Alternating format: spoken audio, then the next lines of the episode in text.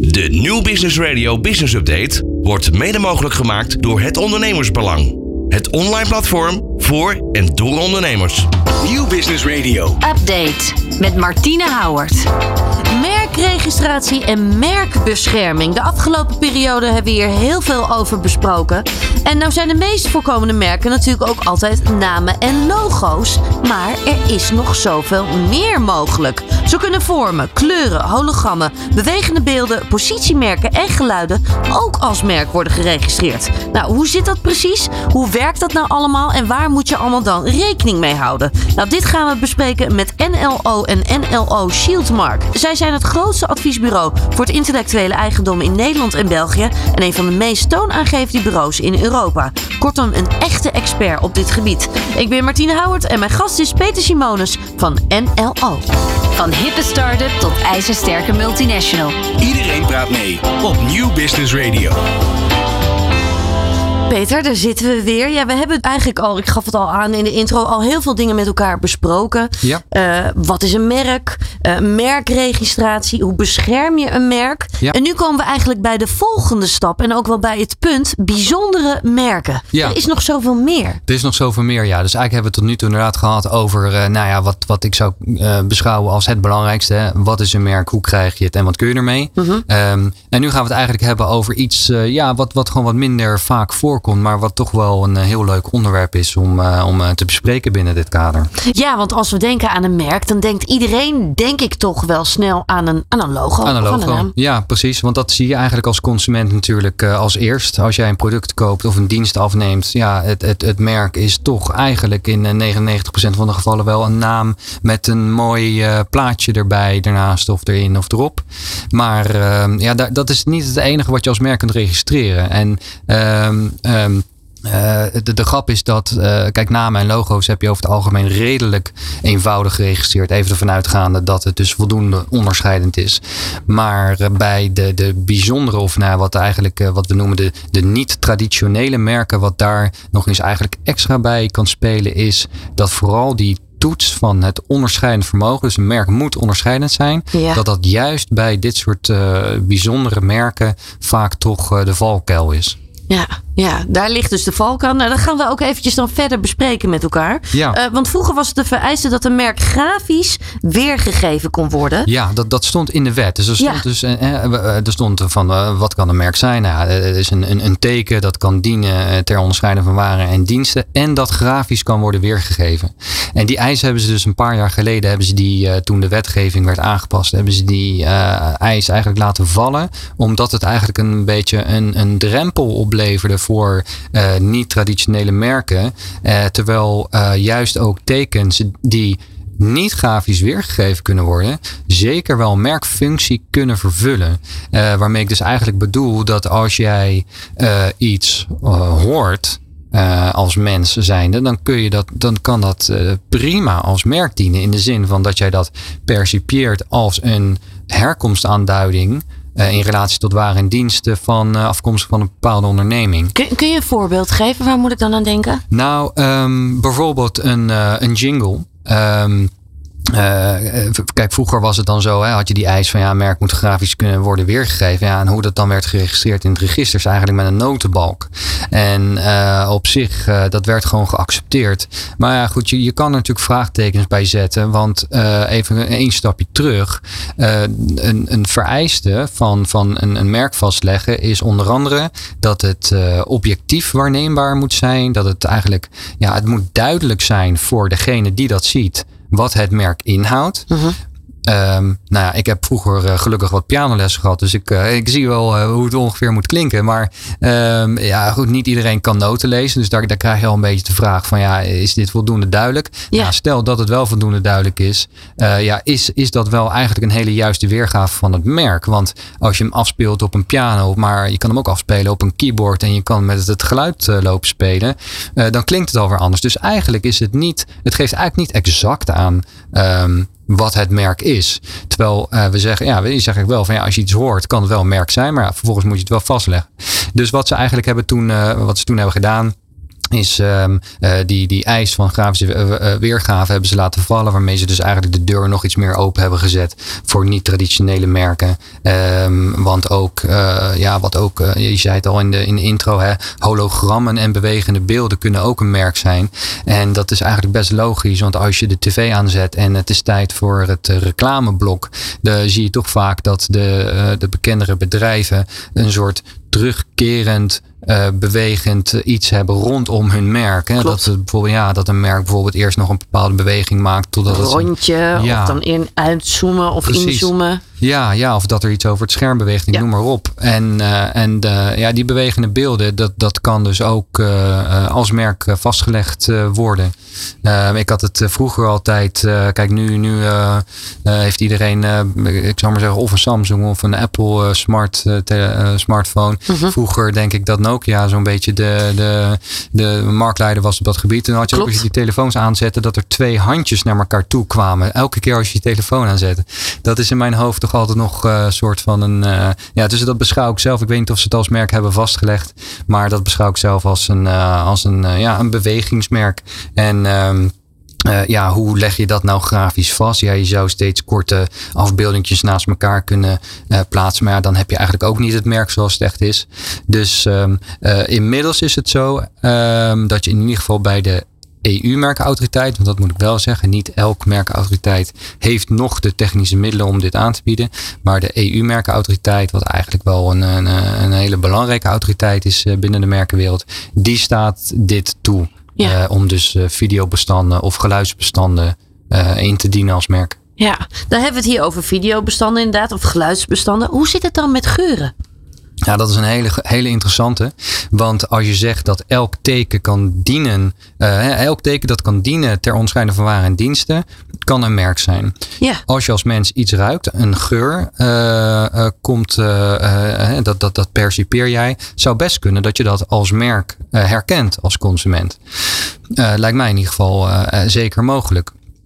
Um, dan de vraag, hoe leg je dat nou vast in het register? We zeiden net al, hè, die, die, die, dat vereist van grafische uh, weergaven, die hebben ze laten vallen. Maar ze zeggen wel, ja, maar het moet wel duidelijk zijn naar buiten toe wat jij als merk claimt. En het moet objectief waarneembaar zijn.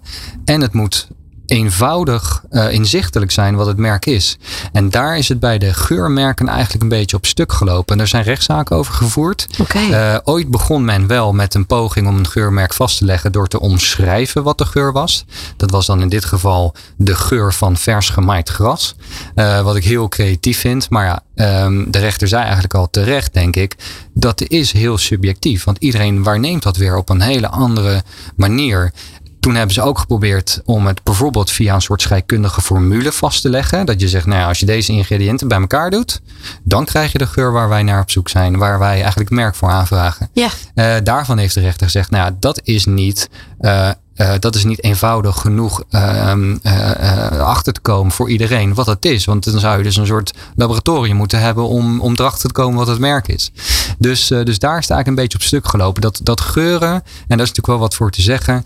iedereen. Um, heeft toch weer een iets andere waarneming, denk ik, bij, uh, bij geuren. Hè? Waar het bij, uh, bij, bij kleuren of uh, klanken misschien toch al wat anders is. Bij geuren misschien weer een stuk subjectiever. Dus de, de grap is dat als je het EU-merkregister openslaat, kun je kiezen voor type merk geur.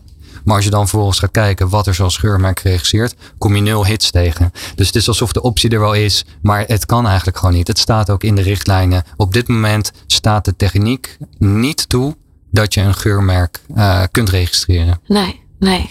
Nou ja, zo, zo zie je maar weer. Er liggen dus behoorlijk wat uitdagingen ook wel weer op dit vlak. Want we kennen natuurlijk genoeg merken die een bepaalde geur ook wel hebben. Als ik bijvoorbeeld denk aan een Rituals. Ja. Eh, dat herken je heel vaak als iemand dat in zijn huis heeft staan. Oh, ja. het is waarschijnlijk van Rituals. Ja, klopt. En uh, om een klein zijstapje te maken. Dus wel geprobeerd om ook uh, bijvoorbeeld, ja, dat ging dan over smaak. Om dat via het auteursrecht te registreren. Is vooralsnog ook niet bepaald een succes.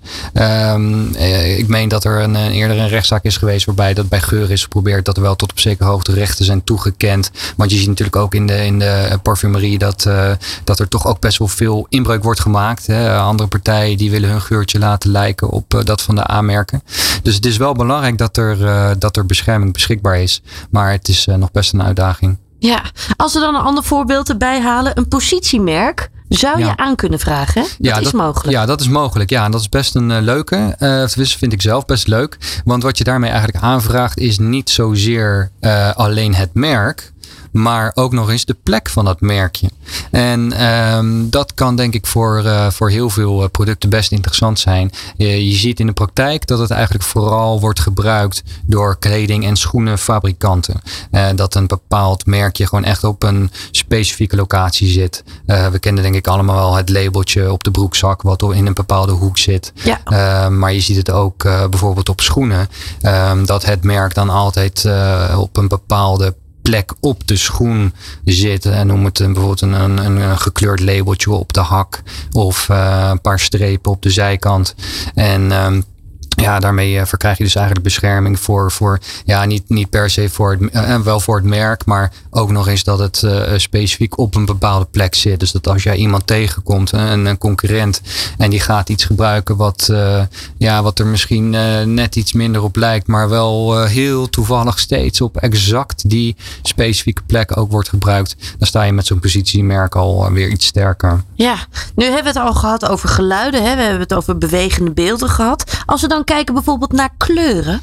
Hoe zit het daar ja. dan mee? Nou, een kleur kan zeker ook als merk eh, geregistreerd worden. Als ik denk KLM, ja, dat is, dat is een bepaalde kleur blauw. Als Ja. je die kleur ziet, dan denk je meteen KLM blauw. Ja, dat zou ik zelf ook zeggen. Ik, ehm, ik meen mij ook eh, te herinneren dat KLM eh, houder is van de, een kleurmerk geregistreerd voor de kleurmerkregistratie, dus voor blauw.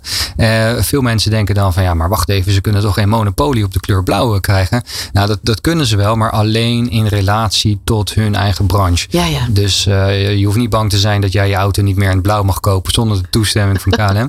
Eh, maar je ziet het ook bijvoorbeeld met, eh, wat ik zelf ook altijd wel een leuk voorbeeld vind, is de kleur magenta. Dus het type roze van T-Mobile. Ja. Ook als kleurmerk geregistreerd. Al is de grap daar dat er op dit moment daar een zaak tegen, tegen is ingediend. Dat andere partij heeft eigenlijk gezegd, ja, ik vind die kleur roze eigenlijk helemaal niet onderscheidend genoeg. En daar is, ehm, ja, daar, daar, daar hebben ze toch best, dus ik denk dat T-Mobile daar nog best lastig mee gaat krijgen. Want er zijn eigenlijk maar zoveel kleuren die wij als mens herkennen. Eigenlijk vooral, de, het zijn een beetje ja, de primaire kleuren die je, die, die je vooral eh, herkent. En als Klopt. jij één kleur toestaat dat iemand daar een monopolie op krijgt, dan is het natuurlijk echt wel, eh, dat is dat nogal wat. Maar goed, het is, ehm, ehm, het is wel zo dat als jij heel bekend bent, dan ehm, kun je al wat sneller eh, eh, wegkomen met zo'n eh, kleurmerkregistratie. Ehm, ik, eh, we hadden het net over T-Mobile, maar je ziet ook, kijk, een kleurmerk eh, kan ook gaan om een kleurmerk, een kleurcombinatie. Eh, zo is bijvoorbeeld het eh, gestreepte, even uit mijn hoofd, het, het, het, eh, rood-blauw gestreepte van, van FC Barcelona is ook als merk geregistreerd. Ehm, dus ja, voor al deze niet-traditionele merken geldt. De drempel is toch wat hoger, omdat ja, het, het, het is al gauw niet onderscheidend genoeg. Maar als jij bekend bent, wordt het al iets makkelijker. Ja, en als we dan kijken naar vormen.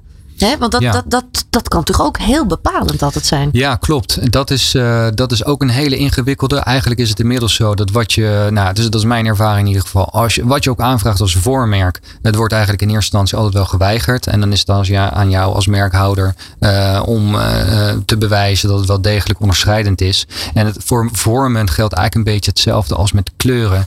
Ja, het is nogal wat om iemand een monopolie te geven op een vorm. Want een merk kun je tot in het oneindige eigenlijk vernieuwen. Dus je, je, je, je dreigt zomaar iemand een, een levenslang, nou nee, levenslang, gewoon een, een eeuwigdurend monopolie te geven eh, op een bepaalde vorm. En dat is nogal wat. Maar eh, ook daar zijn de, ja, de, de eisen zijn heel streng. Eh, je kunt niet zomaar alles als vorm registreren. Als jij iets hebt wat qua vorm heel erg afwijkt in de branche en het heeft echt een, een eigen gezicht op de markt, dan, dan is het allemaal al iets, iets makkelijker. Maar ehm, ja, reken erop dat, dat je er niet zomaar mee, mee wegkomt in, in eerste instantie. Er is echt wel wat, waarschijnlijk nog wel een rechtszaak zelfs misschien voor nodig om te bewijzen dat, jou, dat jouw vorm, dat dat door het publiek wordt herkent als, uh, als teken van, uh, van herkomst. Ja, ja, maar je goed laten adviseren hierin is dus ook weer heel erg belangrijk. Ja, zeker. Ja, wat, we, wat wij uh, ook wel zien is dat er toch best vaak merken worden ingediend die dan zonder gebruikmaking van een, van een merkadviseur. dat is eigenlijk zonde van je geld. laat je van tevoren goed adviseren en informeren over de mogelijkheden en de risico's. Want ehm, het, het lijkt soms eenvoudig om, om te doen, maar dat is het eigenlijk niet. Nee, het is wel helder. Juist dus ook bij die bijzondere merken is het dus ook ja, per product, per situatie heel erg verschillend. Dus goed advies is hier heel erg uh, belangrijk bij. Zeker, zou ik zeggen wel. Ja. ja. Peter, ik wil je enorm bedanken voor alle tips en tricks en alle informatie die we hier weer mee hebben gekregen. Heel graag gedaan. Ik vond het leuk om te doen. Dankjewel. Dit is New Business Radio.